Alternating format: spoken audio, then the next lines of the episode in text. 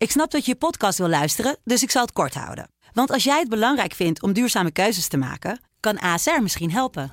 Nou hoor ik je denken, hoe dan? Nou, bijvoorbeeld bij het duurzaam herstellen van schade. Of de premies die we beleggen volgens ons duurzaam beleggingsbeleid. Dat bepaalt waar we wel en juist niet in investeren. Wil je meer weten over welke duurzame keuzes ASR maakt? Ga dan naar asr.nl/slash duurzame keuzes. ASR doet het. Zo, dan kan je nu lekker naar je podcast luisteren. Het hoge beroep in de zaak Nicky Verstappen heeft de afgelopen weken gediend. Nadat hij vorig jaar bij de rechtbank in Maastricht werd veroordeeld voor 12,5 jaar, was het de beurt aan het Hof in Den Bosch om de zaak opnieuw te onderzoeken. Maar hoe sterk is het bewijs tegen Jos B. nou echt? Dat hoort u in. De zaak ontleed met Saskia Belleman. Een podcast van de Telegraaf. In augustus 1998 verblijft de 11-jarige Nicky Verstappen op een zomerkamp op de Brunsumerheide in Limburg. In de vroege ochtend zien zijn vriendjes hem omstreeks half zes in de ochtend in zijn tent, maar daarna is hij verdwenen. Een dag later wordt hij ongeveer een kilometer verderop gevonden, met alleen een onderbroek en een pyjamabroek aan. Zijn dood is een mysterie. Saskia, welkom. Dankjewel. We gaan vandaag in de zaak Nicky Verstappen duiken en dan eh, gaan we voornamelijk kijken naar het bewijs, want dat is het grote vraagteken dat boven deze zaak hangt, hè? Ja. ja, eigenlijk boven iedere strafzaak natuurlijk. Maar in dit geval valt daar wel het een en ander over te zeggen. Dat klopt, ja. Het, uh, het bewijs is, nou, laat ik me zacht uitdrukken, niet echt heel, heel erg sterk. We weten het allemaal nog goed. De klopjacht op Jos B., die zich schuilhield in de bossen van Spanje. In het onderzoek naar de tragische dood van Nicky Verstappen is sprake van een doorbraak. Via het grootschalige DNA-onderzoek onder Limburgse mannen is een verdachte in beeld gekomen. We weten wie hij is, maar we weten niet waar hij momenteel verblijft. Daarom doen wij een beroep op het publiek. Hij zou in allerlei landen zitten, waaronder in Frankrijk. De verdachte van de moord op Nicky Verstappen, Jos Brecht, is gisteravond aangehouden in Spanje. In het dorpje Castel Tercol. Ja, wat een nieuws. Ja, een hele opluchting moet ik zeggen. We hadden het echt niet zien aankomen dat het zo snel zou gaan. Of misschien wel er ooit van zou komen. Saskia, dit is een uh, we got him momentje. Case closed. Zo keken we ernaar. Ja, zo keek eigenlijk iedereen er wel naar. Het hele land had zo'n beetje zoiets van, nou hé, eindelijk na twintig jaar een ontknoping en een, uh, en een dader. Maar ja, dan komt er een rechtszaak waarin eigenlijk moet worden vastgesteld of uh, iemand het ook daadwerkelijk heeft gedaan. En dan moet ook verteld worden wat het bewijs is en uh, ja, of dat hard genoeg is om hem te veroordelen. Nou, de rechtbank heeft eerder geoordeeld dat dat wel zo was. Die hebben genoeg aanwijzingen gezien om te zeggen van nou, deze Jos B. heeft het gedaan, wettig en overtuigend bewijs. Maar daar valt wel het een en ander op af te dingen nog. En nu dient deze zaak in hoger beroep en moet het Hof in Den Bosch zich erover uitspreken. Hij werd uh, veroordeeld voor 12,5 jaar cel. Ik was met jou mee die dag. Ja. We hebben samen opnames gemaakt in de rechtbank in Maastricht. Peter R. de Vries was er uiteraard nog bij. Die leefde nog. Ja. Gelukkig dat hij dat allemaal nog heeft mee uh, kunnen maken. En toen vroeg ik hem, en, en de vraag kwam niet helemaal goed over. Althans, het antwoord was voor mij niet heel bevredigend. Uh, ligt er niet heel veel druk op de rechtbank, een Limburgse rechtbank, om te oordelen over het trauma van Limburg? Durf je zo'n man überhaupt vrij te spreken? Toen deed Peter daar vrij nonchalant over. Maar hoe kijk jij daarop terug? Ja, ik denk dat het voor rechters in Limburg echt heel moeilijk is geweest om. Uh, niet om er objectief naar te kijken, dat hebben ze echt wel, uh, wel geprobeerd te doen. Maar het is natuurlijk een zaak die twintig jaar lang de gemoederen in Limburg en eigenlijk in het hele land zo vreselijk heeft beziggehouden dat ik wel degelijk denk dat op die rechters een enorme last op de schouders lag. En dat het voor hen lastig is geweest om, uh, om daar, uh, ja, om, om te zeggen van nou, dat bewijs vinden we niet overtuigend genoeg, we spreken hem vrij. Nou wil ik niet zeggen dat ze het, als die zaak minder publiciteit zou hebben gekregen, uh, dat ze hem hadden vrijgesproken. Maar er zat een, een ja, redenering in het vonnis waar ik mijn vraagtekens bij had. Ik weet niet of, je dat, of ik dat nu al even snel zal uitleggen. Ja, ga maar. Kijk, er is nooit vastgesteld waar Nicky precies aan is overleden. En er is ook nooit vastkomen te staan dat hij seksueel misbruikt is. Er waren vermoedens, sterke vermoedens. Maar het is door deskundigen, deskundigen hebben altijd gezegd... dat kunnen we gewoon niet met 100% zekerheid zeggen. Nou is uh, de rechtbank in Maastricht is ervan uitgegaan dat dat wel is gebeurd. Want wat zeggen zij? In 1984 ehm, en 1985 heeft Jos B. zich ook schuldig gemaakt aan een zedendelict. Die heeft toen drie jongens betast. Heeft ze van achter benaderd, heeft ze tegen de grond gedrukt, uh, een, een hand in die onderbroek laten zakken. En zegt de rechtbank, Dezelfde modus operandi heeft Jos B. toegepast bij Nicky Verstappen. Ja, en daar zit hem de crux. Dat weten we namelijk helemaal niet. We weten niet hoe Nicky Verstappen aan zijn eind is gekomen. We weten niet hoe die op de plek terecht is gekomen waar die uiteindelijk gevonden is. Het hangt aan elkaar vast van de onduidelijkheden. En om dan te zeggen, dezelfde modus operandi is toegepast, ja, dat vind ik wel een enorme hinkstapsprong naar een, eh, naar een uitspraak komt bij dat die jongens in die periode, 1984, 1985, die leven nog. Ehm, ze zijn niet misbruikt. Jos B. is er nooit voor vervolgd en dus ook nooit voor veroordeeld. Hij had natuurlijk een, zware verdenking op zich rusten dat hij zich nu misschien wederom schuldig had gemaakt aan een zedendelict. Maar ja, ik vond die sprong die de rechtbank maakte wel heel erg groot. Ja, Jos B., een iets wat zonderlinge man die zich graag ophield in de bossen. Iemand met een, uh, wat jij net zegt, een zedenverleden, is er niet voor veroordeeld. Is wel gezegd, hou je niet meer op in de buurt van kinderen. Heeft hij uiteindelijk wel weer uh, gedaan. Ja. En op het moment dat er een groot DNA-onderzoek uh, komt. Mm -hmm. Zijn naam kwam overigens al voor in het dossier. Hè, omdat hij door een marechausseur naar, naar de fonds van Nicky was, was aangetroffen in de buurt van het, van het lichaam ja. van Nicky. Ja, hij had, hij had heel veel dingen had hij, had hij tegen zich. Hè? Er komt een groot uh, DNA-onderzoek en, en hij smeert hem naar het buitenland. Hij zat al in het buitenland. Hij zat in Frankrijk, maar hij ging vervolgens naar Spanje. Ja. En liet niemand weten waar hij naartoe ging. En ja, dat is ook een, een punt geweest nog in het hele onderzoek. Uh, zijn zussen deden aangifte van vermissing. Omdat zij zeiden van ja, het is toch wel vreemd hoor... dat hij echt helemaal niks van zich laat horen. Dus ja, er, er liep tegelijkertijd ook een onderzoek naar zijn vermissing. En dat... Uh, het, het, was ongebruikelijk blijkbaar dat hij zonder een spoor na te laten en zonder iemand iets te laten weten naar Spanje ging. Want hij had overigens wel gezegd toen die oproep kwam: ja hoor, ik kom me wel melden. Ja, en dat hij mee zou werken aan het DNA-onderzoek. Nou is dat DNA-onderzoek vrijwillig, maar hij had inderdaad toegezegd dat hij daaraan mee zou werken. En in plaats daarvan verdween hij van de aardbodem. Ja, dat was toch op zijn zachtst gezegd vreemd. En ik snap dat daar eh, de nodige vraagtekens bij werden geplaatst. Hij is uiteindelijk uh, gevonden in Spanje. En uh, we zijn inmiddels aanbeland bij het uh, hoge beroep bij het Hof in Sertogenbos, Den Bosch. Ja. Wat zeg jij altijd? Den Bosch. Den Bosch. Wat opviel is dat Jos B. tijdens het hoge beroep veel spraakzamer was. Ik heb hem omgedraaid. Ik heb gecontroleerd op ademhaling. Ik heb gecontroleerd op hartslag.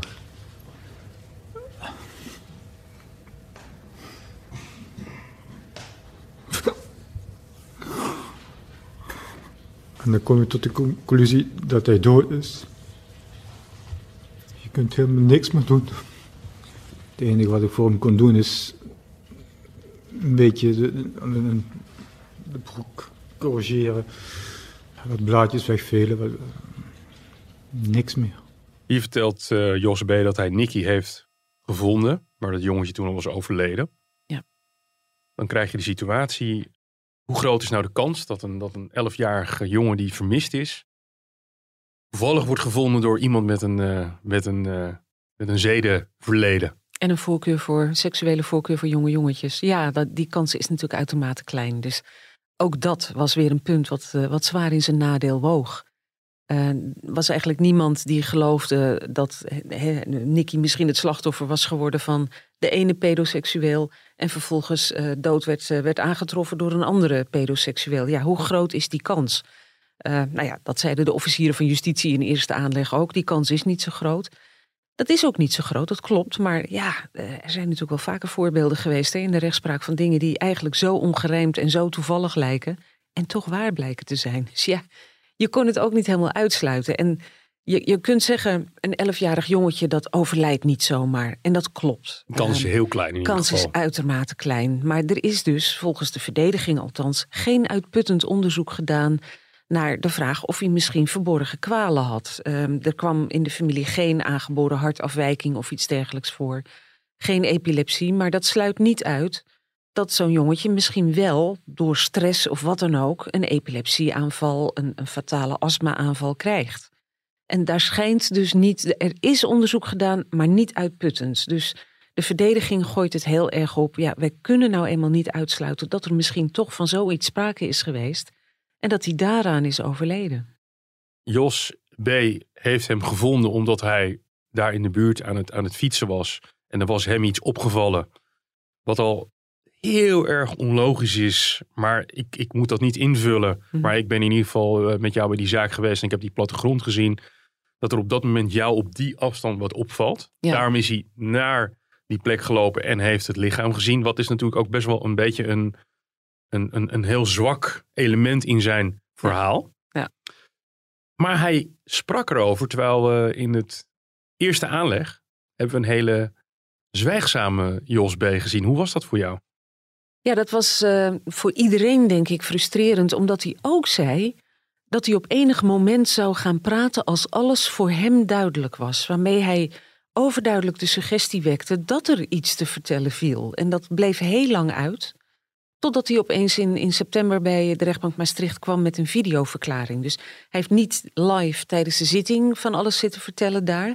Maar liet door zijn advocaat een videoverklaring uh, afspelen. Die was opgenomen in de PI in Vught waar hij zat.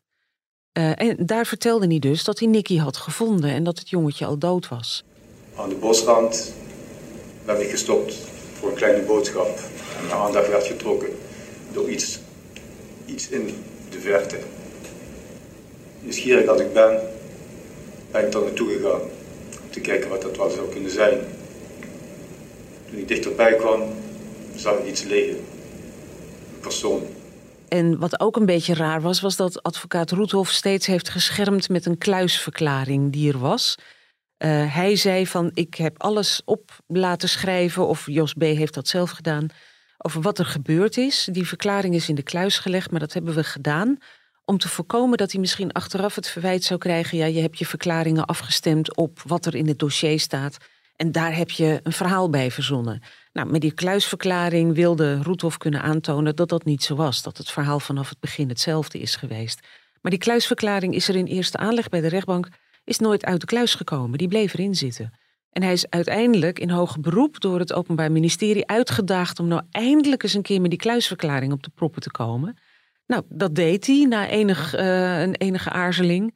Ja, en toen bleek vervolgens driekwart van de tekst te zijn uh, zwart gemaakt. En alleen dat hele kleine onderdeeltje, wat ook voorkomt in, die, uh, in dat videofilmpje, dat, uh, nou ja, dat was nog leesbaar. Maar dat begon ergens midden in de zin. En het, het eindigde ook ergens middenin. Dus ja, wat er daarvoor en daarachter heeft gestaan, dat weten we niet. En Roethoff zegt, ja, dat is vertrouwelijke communicatie tussen mij en mijn cliënt. En dat hoeft hij dus ook niet te onthullen, maar het roept natuurlijk wel vragen op bij de rechtbank via een opgenomen video, zoals je net zegt. Ja. Nu zelf aan het woord. We horen niet het hele fragment, maar we horen wel iemand die extreem emotioneel is. Ja. En dan ga ik als amateur detective denken, je hebt een lichaam gevonden. Mm -hmm. dat, is een, dat is een traumatische of schokkende ervaring. Je hebt uh, gekeken of je overleden was. Je hebt het lichaam een beetje gefatsoeneerd. Ja. Maar hij is heel erg emotioneel. Ja. En daar, dan, dan gaan bij mij, ga ik dan denken, en ik ben gelukkig geen rechter, of ik ben ook geen officier van justitie, ik ben geen advocaat. Maar, goede man, waarom ben je zo emotioneel? Ja, dat, daar kun je natuurlijk verschillende uh, verklaringen voor geven. Het, het, het, aantreffen van een dood kindje op de hei is natuurlijk traumatisch. Dus ik kan me voorstellen dat je daar emotioneel van wordt. Je kunt ook zeggen, hij was emotioneel omdat hij weet dat hij iets met de dood van het kind te maken heeft.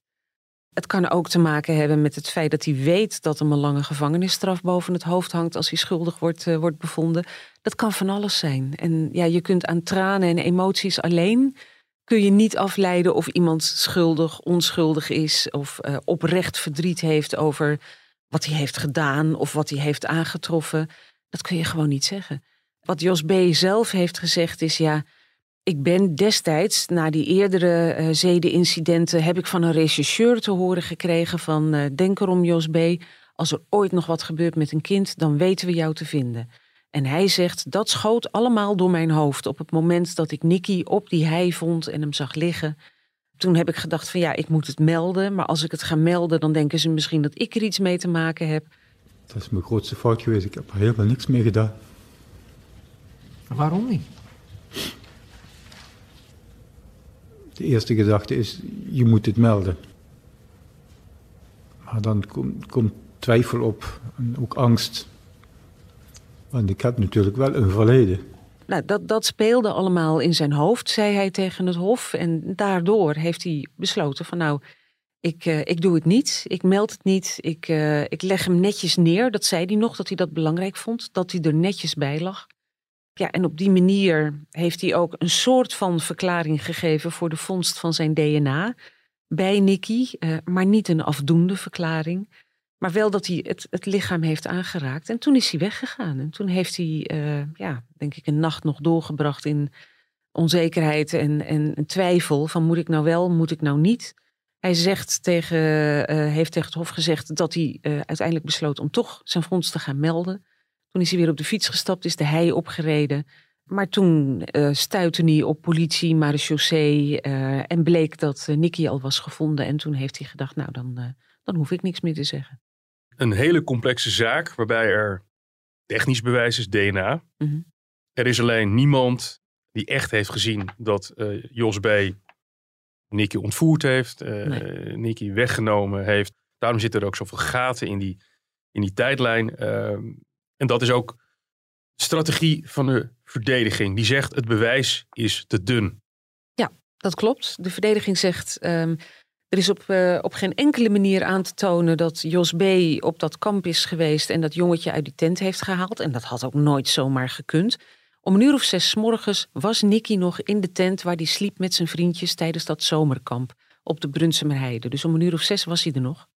Ja, en een uur later was hij verdwenen. En hoe dat dan gebeurd zou moeten zijn, of het inderdaad zo is dat Jos B. Uh, op de een of andere manier uh, dat kind heeft kunnen ontvoeren. Ja, de verdediging zegt dat kan niet. Dat had iemand gemerkt, dat had iemand gezien. Uh, Zo'n jongetje stribbelt tegen, um, gilt misschien. Of, hè, en ook een, een kind zomaar oppakken en een hand over de mond leggen en zo. Dan hadden we ook zo rond de mond van, van Nicky hadden we DNA van Jos B. moeten aantreffen. Is er allemaal niet. Dus ja, dat, dat blijft een raadsel hoe dat gegaan moet zijn. Advocaat Gerald Roethoff. Heeft cliënt Nicky uit de tent gehaald? Heeft hij hem bij de toilet gegrepen? Heeft hij hem meegelokt vanaf de heikop? Of is hij misschien Nicky tegengekomen op de heide? Maar dan waar van de heide? Hebben ze samen gelopen? Hebben ze gefietst? Waar heeft hij met hem gelopen? Waar heeft hij met hem gefietst? Wanneer precies? Heeft hij hem echt misbruikt? Op welke manier dan? Op welke locatie? Heeft hij hem echt om het leven gebracht? Op welke manier? Op welke locatie? Op welk moment? Heeft hij, cliënt dus, het lichaam in het sparrenbos gedumpt? Of heeft daar ook misschien misbruik plaatsgevonden? En met welk vervoersmiddel dan? Met welk vervoersmiddel heeft hij, als dat een cliënt is, dat lichaam dan naar die plek gebracht? Ja, je hoort het, hè? het is een mitrailleur aan vragen. Terechte uh, vragen ook. Terechte vragen, die ook eigenlijk geen van alle beantwoord zijn. Uh, die vragen die blijven gewoon. We weten het gewoon niet. We weten niet hoe Nicky op die plek waar hij gevonden is, is terechtgekomen. Dat was ruim een kilometer van het zomerkamp. Nou, aan de voetzolen van het jongetje, daar werden wel wat mossporen en wat, wat aarde uh, op aangetroffen. Maar geen sporen die, die erop duiden dat hij een uur lang heeft gelopen op blote voetjes over die hei. Dan zou je misschien ook wel wondjes en krassen en zo moeten zien. Waren er allemaal niet. Dus ja, hoe, hoe dat gegaan moet zijn. Jos B. had niet de beschikking over een auto. Um, hij was daar misschien op de fiets, maar hoe neem je een jongetje dat je verder niet kent en dat jou niet kent, hoe, hoe neem je dat mee op de fiets? En stel nou dat Nicky al wel bewusteloos was geweest, dat hij toen al die hand over de mond heeft gelegd of zijn neus heeft, heeft dichtgeknepen. Ja, hoe vervoer je een bewusteloos jongetje op een fiets? Hoe doe je dat? Hij was elf jaar. Was ook weer niet, niet zo klein hè, dat je hem zo makkelijk mee zou kunnen nemen. Allemaal vragen die onbeantwoord zijn gebleven. Er is een getuige die heeft een man met een kind met een rode broek, zeg ik dat goed? Ja. Achter op de fiets heeft gezien. Ja. Dat jongetje is er ook uh, van de bagagedrager afgevallen, gesprongen. Dat is mij niet helemaal duidelijk. En uh, uiteindelijk heeft die, die, die, die, die getuige, die zag het als een soort van vader en, vader en zoon ja. uh, situatie. Maar die mensen kunnen niet met zekerheid zeggen dat het om Jos B. gaat, hè? Nee, en die getuigenverklaring is verder ook niet meegenomen in het bewijs. Ook niet door het Openbaar Ministerie, omdat ja, die getuigen, het zijn twee getuigen. Het waren een moeder en een dochter die de man op de fiets zeiden te zijn tegengekomen. En die konden dus vlak nadat het was gebeurd en Nicky uh, vermist raakte en werd gevonden, konden ze geen beschrijving geven van de man op de fiets. En dat zouden ze dan twintig jaar later wel kunnen. Nou, dat werd al tamelijk onwaarschijnlijk gevonden. Uh, ze spraken elkaar tegen. Ze, ze, spraken elkaar tegen over de richting van waaruit die fietser kwam. hoe, hoe de man er precies uitzag. hoe het jongetje op de fiets zat met twee benen aan één kant of, of de dames zit of met één been aan, aan iedere kant van de fiets. Het waren een moeder en een dochter, als ik het goed ja, herinner. Die, die, als ik het goed heb, een hondje liepen uit te laten. Ja. Maar die getuigenverklaringen, ja, ze spraken elkaar zo vreselijk tegen... dat uiteindelijk die getuigenverklaring als onbruikbaar werd gezien. Laten we dan nog heel even teruggaan naar um, Jos B. fietste daar rondom de vermissing van Nicky Verstappen fietste hij daar ook zeg maar een kilometer vanaf het zomerkamp. Vandaan ja. waaruit uh, Nicky is verdwenen. Wat is nou Jos B's verklaring waarom hij op dat moment stopte en besloot naar een bepaalde plek te lopen? Hij zegt dat hij, uh, hij moest plassen. Dus hij ging van het hoofdpad ging hij af, ging een zijweggetje in. Omdat hij niet wilde dat mensen hem zouden kunnen zien plassen. Nou waren er niet zoveel mensen op de hei, want het was morgens vroeg. Uh, maar goed, dat deed hij dus. En hij zegt dat hij op een gegeven moment dat zijn aandacht werd getrokken door iets. Nou, hij is doorgezaagd door alles en iedereen over wat dat iets was. Heeft hij iets gezien? Heeft hij iets gehoord? Heeft vogels. hij iets geroken? Waren het vogels? Was het iets anders? Heeft hij iemand horen schreeuwen? Een kind horen horen schreeuwen? Hij kon het niet zeggen. Hij zei: Mijn aandacht werd getrokken door iets en ik kan niet meer reproduceren wat dat iets was. Maar het was voor hem wel aanleiding om naar dat, dat sparrenbosje te gaan lopen. En wat voor en, afstand hebben we het ongeveer ja, over? Dan heb een je meter toch, 100? Mm, volgens mij was het iets van 50 meter uh, vanaf de plek waar hij had staan plassen. Nou, dat is ver. Dan moet je een graanveld door. Uh, er staan in dat sparrenbosje waar Nicky lag. Ja, daar werd eigenlijk zo'n beetje alles aan het oog onttrokken. Dus eigenlijk vanaf de plek waar hij stond te plassen kon je onmogelijk iets zien daar. Dat is allemaal gecheckt, allemaal bekeken. Dat, dat kon gewoon niet. Zelfs mensen die daarna er met hun neus bovenop stonden, zagen bijna niks. Hij zegt dus wel dat hij over een hekje is geklommen, want dat sparrenbosje dat was omheind. En uh, ja, dat hij daar Nicky heeft gevonden. Nicky had een rode pyjamabroek aan en die viel wel op. Maar die kon je dus vanaf de plek waar hij had staan plassen niet zien. Ja, en wat nou precies zijn aandacht trok, dat is niet helemaal duidelijk geworden. Of hij iets heeft gehoord, of hij iets heeft gezien. Het is vaag gebleven. En waarom heeft hij besloten om, want ik ga, maar even, ik ga, ik ga even terug naar mezelf. Mhm. Ik loop daar en ik vind het lichaam van een overleden kind. Althans, ik weet op dat moment nog niet overleden is. Nee. Dan ga ik meteen kijken van, hoe leeft het nog? Moet ik uh, mond-op-mond beademing? Ja. Moet ik, moet ik hartmassage dat, dat deed geven? hij dus ook. Hij heeft Nicky omgedraaid, zeg hij, zegt hij. Hij heeft zelfs in het, hof gedem of in het hof gedemonstreerd hoe hij dat had gedaan. Want dat werd dus gevraagd, hè, ook om te weten van, ja, hoe heb je hem dan beetgepakt? Nou, hij zegt, ik heb hem bij de heupen gedraaid. En toen de advocaat-generaal, uh, de vertegenwoordiger van het Openbaar Ministerie, aandrong en zei van ja, vertel nou eens precies hoe, is hij dus vanuit de verdachtebank naar voren gelopen. Hij is, hij is voor het hof op de grond gaan liggen op zijn buik. Heeft, uh, gedaan, heeft de houding aangenomen die Nicky had toen hij hem vond, zei hij. En heeft toen voorgedaan hoe die Nicky vervolgens heeft omgedraaid bij de heupen. En hij zegt dat deed ik om zijn ademhaling en zijn hartslag te kunnen controleren. Dus hij zegt ik heb met mijn oor bij zijn mond geluisterd. Ik heb met mijn oor op zijn, op zijn hart geluisterd om te horen of ik een hartslag kon, uh, kon vinden. Niets van dat alles. Um, ja, en toen wist ik niet meer wat ik moest doen. En toen heb ik gezorgd dat hij er netjes bij lag. En toen heb ik zijn kleding wat gefatsoeneerd.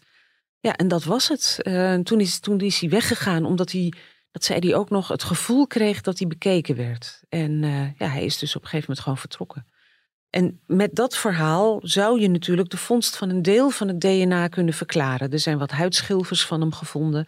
Uh, er zijn drie haren van hem gevonden. Maar het verklaart niet hoe er speekselsporen, iets van twintig, op twintig verschillende plekken in de onderbroek terecht zijn gekomen van Nicky. En ook allemaal vrij diep in die onderbroek. Ja, en die onderbroek die droeg Nicky, dat gold ook voor de pyjamabroek trouwens, binnenste buiten en achterste voren. Nou, Jos B. zegt, ik heb die kleding niet uitgetrokken en weer aangetrokken. Uh, ik heb alleen maar het een beetje gefatsoeneerd. Dat is alles wat ik heb gedaan. Ja, dat verklaart dus niet hoe dat DNA in die onderbroek komt. Ja, en dat is wel de smoking gun, zou je kunnen zeggen. Want ja, hoe komt dat DNA in die onderbroek? Ik moet er wel bij zeggen, het was geen sperma. Als het sperma zou zijn geweest, nou, dan was het helemaal verdomde moeilijk te verklaren geweest. Nu zegt zijn verdediging van ja, Het kan er ook door contaminatie uh, opgekomen zijn. Dus dan moet je je voorstellen dat een kind wordt gevonden. Er moet sectie plaatsvinden. De kleding wordt uitgetrokken. Die wordt in een, in een papieren zak gedaan. Precies. En dat, dat gebeurde nou eenmaal in 1998 op andere manieren dan nu. We hebben nu, dat DNA-onderzoek heeft enorme sprongen gemaakt. Uh, we gaan daar nu extreem voorzichtig mee om, heel zorgvuldig. Destijds was dat misschien wat minder het geval. En dat is waar de verdediging heel erg op hamert. Die hebben zelfs een filmpje opgenomen om te demonstreren hoe er misschien in 1998 is omgesprongen met dat bewijs. Dus uh, we kregen een filmpje te zien van een, een soort halve paspop zonder hoofd en zonder uh, benen. Die lag op een tafel. En een medewerker van het kantoor van Roethof moest dan um, eerst Jos B. imiteren. Hè, en die, die ging dan een beetje die, die kleding lopen fatsoeneren. En daarna was de medewerker een schouwarts. En die trok dan de kleding uit en die ging dat opvouwen en in een papieren zak stoppen. En er werd ketchup gebruikt. Precies, er werd ketchup gebruikt om DNA uh, nou ja, uh, te, te imiteren, te zeg maar. Ja, precies.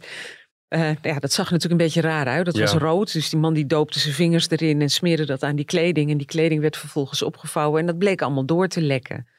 Um, ja, het kan zo gegaan zijn, maar ook dat weten we niet. Maar het is een optie. Het Openbaar Ministerie zegt van nou, ze waren in 1998 ook niet van de straat hoor. Ze wisten echt wel dat ze zorgvuldig moesten omspringen met DNA-bewijs. Dus het lijkt niet aannemelijk. Maar ook het Openbaar Ministerie zegt het is niet uitgesloten. Weet je wat ik heel erg heb als jij dit zo zegt? En ik mhm. ben zelf ook bij de rechtszaak geweest. Als jij zo gedetailleerd weet en je gaat het zelfs voordoen, hoe je wat je met het lichaam van Nicky hebt gedaan. Waarom kun je dan niet heel concreet zeggen wat jouw aandacht trok om daarheen te lopen? Waarom blijft dat, zo eh, vaag? Ja, omdat hij zegt gewoon dat hij het niet meer weet. Hij zegt, ja, het is 23 jaar geleden. Ik, ik weet dat mijn aandacht werd getrokken. Maar ik kan echt niet meer zeggen waardoor. Um, ja, en het Openbaar Ministerie zegt van ja, dat geheugenverlies dat komt hem verdomde goed uit, want dat past een beetje in zijn strategie.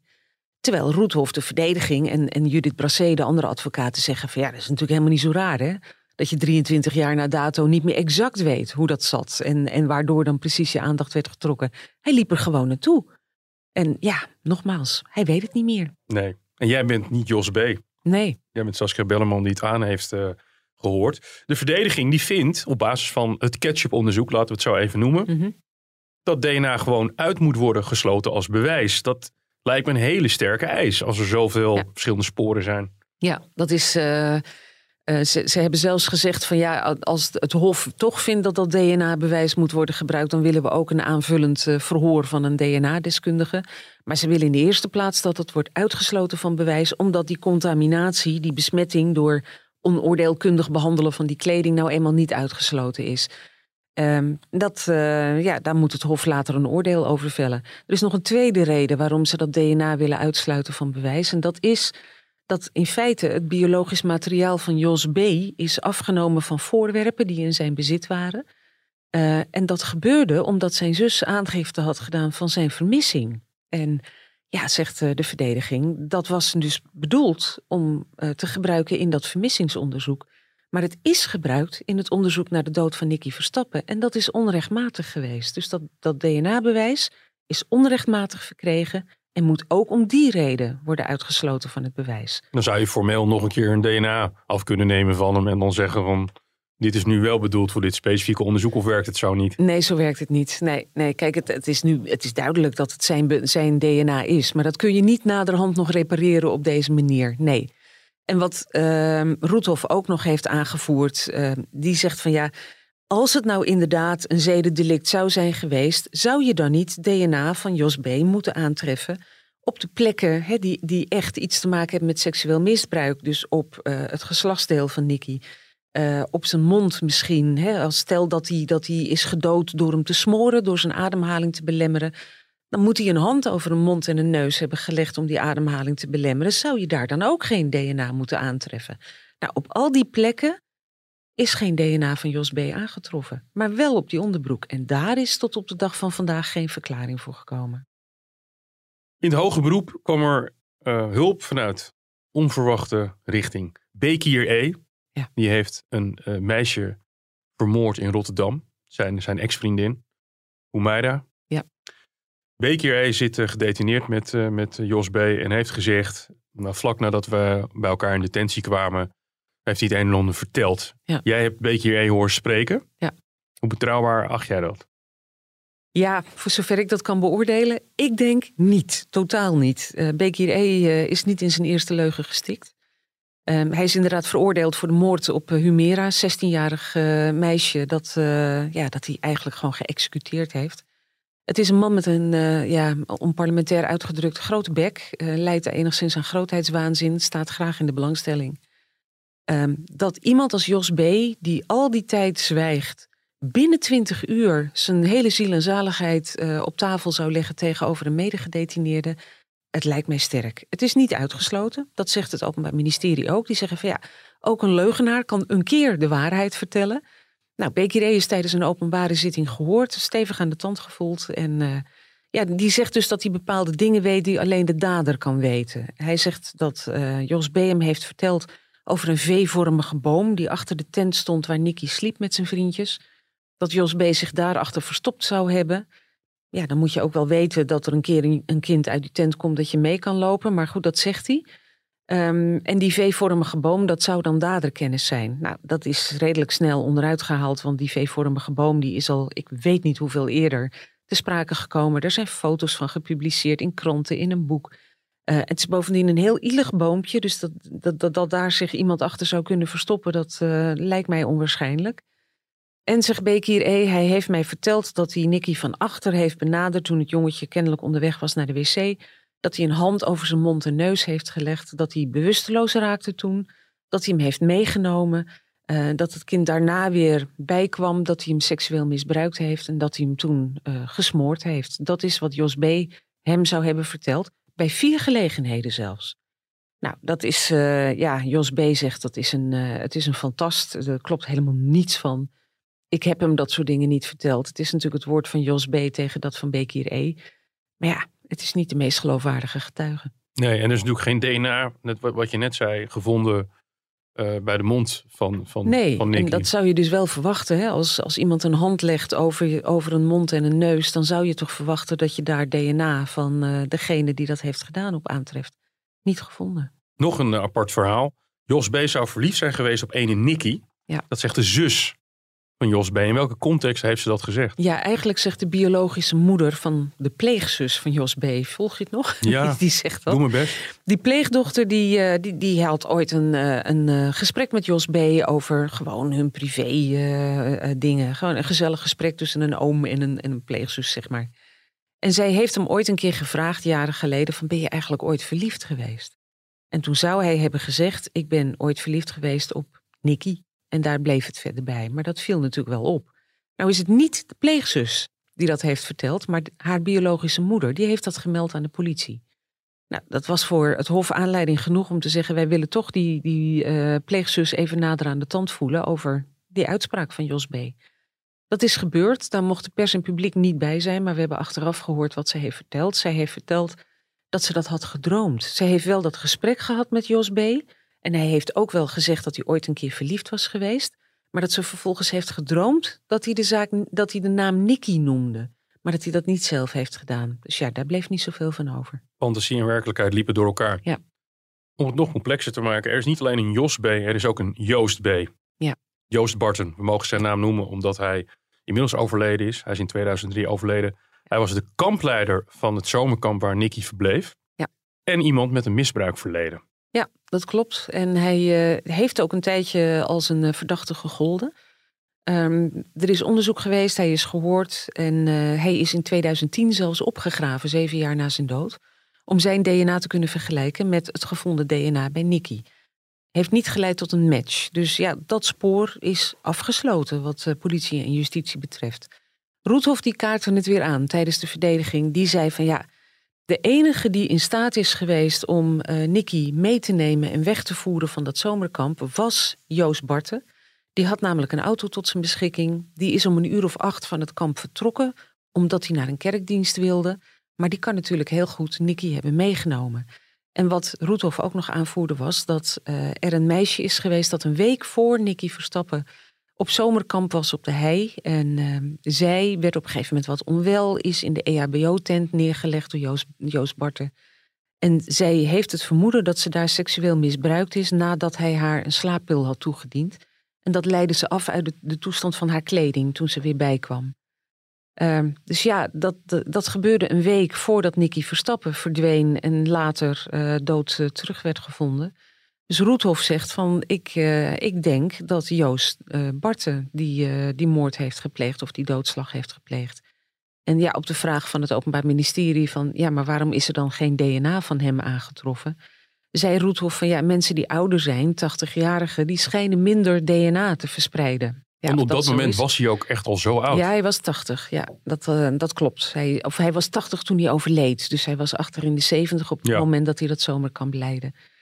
Eh, 75. ja, of dat Ja. nou waar is, dat oudere mensen minder DNA verspreiden, ik weet het niet. Maar eh, dat is wat Roethoff zei. Zonder te veel op zijn eh, situatie in te gaan. Is hij ooit aangetroffen bij die kerkdienst waarin, waar hij pretendeerde heen te gaan? Dat weet ik eerlijk gezegd niet. Of hij daar eh, ook daadwerkelijk kwam opdagen. Ik weet ook niet of mensen daarover over ondervraagd zijn. Maar feit is wel dat hij om een uur of acht is, eh, is weggegaan. En pas in de loop van de dag terugkwam. Met de auto. Met de auto. En eh, ja, dat zou een middel geweest kunnen zijn natuurlijk. Om Nicky mee te nemen, eh, te misbruiken. En misschien daarna ergens op de hei neer te leggen.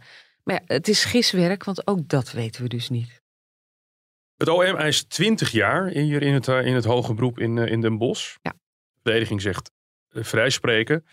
We zitten met een, met een zaak waarvan je zou kunnen zeggen... Limburg heeft, hem, heeft het niet aangedurfd. Nee. Of wel aangedurfd, net, net hoe je er naar kijkt. Het gaat naar Brabant, wat meer afstand. Er wordt met wat meer objectiviteit naar gekeken... zonder te willen zeggen dat, dat de rechters in, den, eh, in Limburg niet objectief waren. Mhm. Maar er lag wel wat meer druk op. We zitten met een, eh, met een zaak met heel veel open eindjes. Ja. Dan zou je kunnen zeggen, je moet hem vrijspreken. Ja, nou ja, dat is wat de verdediging vindt. Die zeggen, kijk, er is geen eh, bewijs dat hij seksueel misbruikt is. Er zijn tekenen die daarop zouden kunnen duiden, maar geen enkele deskundige heeft gezegd hij is gewoon seksueel misbruikt. Dat staat 100% zeker vast. Niemand. Ehm, de patholoog die hem destijds onderzocht heeft gezegd van nou, het lijkt er wel op. Eh, maar ja, daarna is er eh, voortschrijdend wetenschappelijk inzicht geweest en al die deskundigen daarna hebben volgens Roethoff gezegd: nee, we, kunnen dat gewoon niet met zekerheid zeggen. Nou, dat is één. Seksueel misbruik niet bewezen. Doodsoorzaak staat niet vast, omdat dat ook niet meer eh, kon worden vastgesteld. Ja, kan er dan wel eh, sprake zijn van een misdrijf? Waar hij voor wordt vervolgd, Jos B., is gekwalificeerde doodslag. Dat is een zware vorm van doodslag die je toepast om een ander misdrijf, en in dit geval misschien het seksueel misbruik, te verdoezelen. Maar als we niet eens kunnen zeggen dat hij door een misdrijf om het leven is gekomen, zegt de verdediging, ja, dan kan er dus ook geen sprake zijn van gekwalificeerde doodslag. En dan moet je hem vrijspreken. Kijk, en daar zit natuurlijk ook het zwakke van de zaak. Dat eh, niet meer is vast te stellen hoe Nicky om het leven is gekomen. Niet meer is vast te stellen of hij seksueel misbruikt is. Nou, het- de rechtbank heeft daar dus een modus op gevonden. Heeft gezegd, nou, wij gaan ervan uit dat hij wel seksueel misbruikt is. En dat hij door dat misbruik, waarschijnlijk doordat Jos B. op hem lag... en ja, dat kind gewoon geen adem meer kreeg, om het leven is gekomen. Dus doodslag was niet bewezen, maar wel dat hij is overleden als gevolg van het seksueel misbruik. Nou, het Openbaar Ministerie is daartegen in beroep gegaan en heeft gezegd nee. Wij vinden gewoon dat als je kunt zien waar je mee bezig bent, dat een kind in ademnood raakt en je doet daar verder niks tegen, eh, ja, dan maak je je schuldig aan gekwalificeerde doodslag. Voor de familie Verstappen stond het altijd al vast dat Jos B. de dader is. Jij bent verantwoordelijk voor Nicky's dood. Jij was erbij. Jij bent de dader. We hebben daar geen enkele twijfel over. Nooit heb je ook maar iets laten blijken van medeleven, berouw, spijt of emotie. Je weet niet eens wat het is. Dit was eh, vorig jaar. Ja. Er zal waarschijnlijk niet zo heel veel aan veranderd zijn. Nee, zeker niet. De familie, eh, we hoorden hier net Bertie Verstappen, eh, de moeder van eh, Nicky. Er is niets veranderd aan de opvatting van de familie dat eh, met Jos B. gewoon de dader gepakt is. Die zijn ervan overtuigd. Maar ja, een, een rechter moet natuurlijk gewoon kijken naar welk bewijs ligt er. Eh, is dat wettig bewijs? Is het overtuigend bewijs? En dan kan hij worden veroordeeld. Nou, ik denk dat eh, de rechters van het Hof daar nog wel een stevige dobber aan hebben.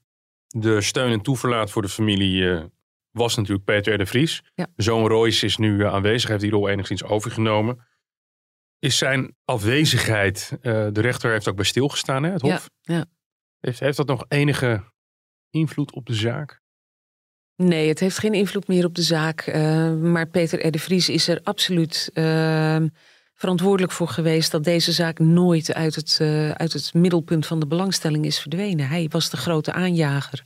Ook van dat grote DNA-onderzoek dat er, dat er geweest is. Dus ik denk dat zonder Peter R. de Vries misschien die zaak nooit had gediend. En dat Jos B. nooit in die verdachtebank was beland.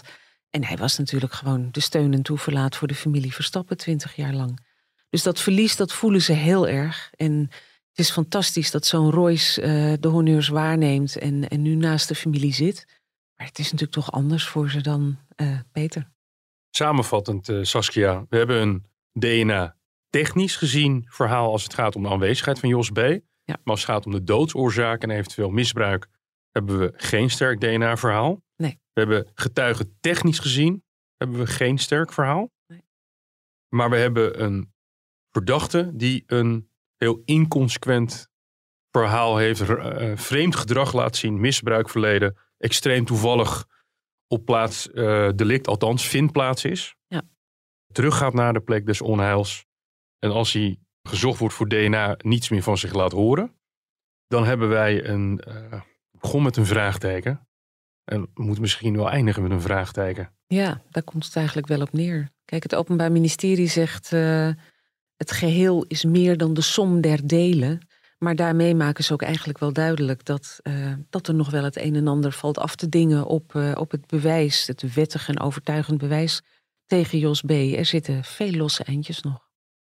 De, um, omdat de verdediging uh, gevraagd heeft om het DNA-bewijs dat, dat moet worden uitgesloten, komt er mm. nog één gesprek met een een DNA-deskundige. Met een DNA-deskundige? Ja. Eigenlijk wilde de verdediging uh, dat het Hof zich nu al zou uitspreken over de vraag of ze dat DNA-bewijs zouden gebruiken in de, in de bewijsvoering. Nou, daarvan heeft het Hof gezegd, daar gaan we nu nog geen uitspraak over doen, want dat, dat is te ver vooruitlopen op een, uh, op een uitspraak, een definitieve uitspraak. Maar laten wij beslissen om die DNA-deskundige hoe dan ook maar aanvullend te horen. Nou, die DNA-deskundige is Ate Kloosterman, die is al meermalen gehoord. Uh, dat gaat woensdag wederom gebeuren. Dat is ook tevens de laatste dag van het proces. Uh, dan mogen het Openbaar Ministerie en de verdediging nog een keer op elkaar reageren. En het laatste woord zal zijn voor Jos B. Ik neem wel eens uh, video's op met Fount en Dries en dergelijke. En dan vraag ik wel eens, wat, wat denk je, wat wordt de uitslag van deze wedstrijd? Of van Erik van Haren, wie gaat er winnen in de Formule 1? En ik vind het niet helemaal kies om het eind te vragen, maar ik doe het toch. wat denk jij?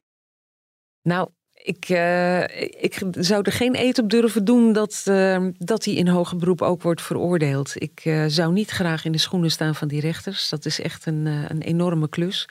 Dat is ook de reden waarom ze zeggen dat ze daar langer voor uit gaan trekken dan de gebruikelijke twee weken. We weten op dit moment nog niet precies of de uitspraak nog dit jaar zal worden gedaan. Het zou ook nog zomaar januari kunnen worden. Ja, dat geeft wel iets aan over hoe ingewikkeld ook het Hof het vindt. Saskia Belleman, dank je wel. En mijn naam is Wilson Boldewijn. Vindt u dit een leuke podcast? Laat u dan weten wat u ervan vindt. En tot de volgende keer in De Zaak Ontleed.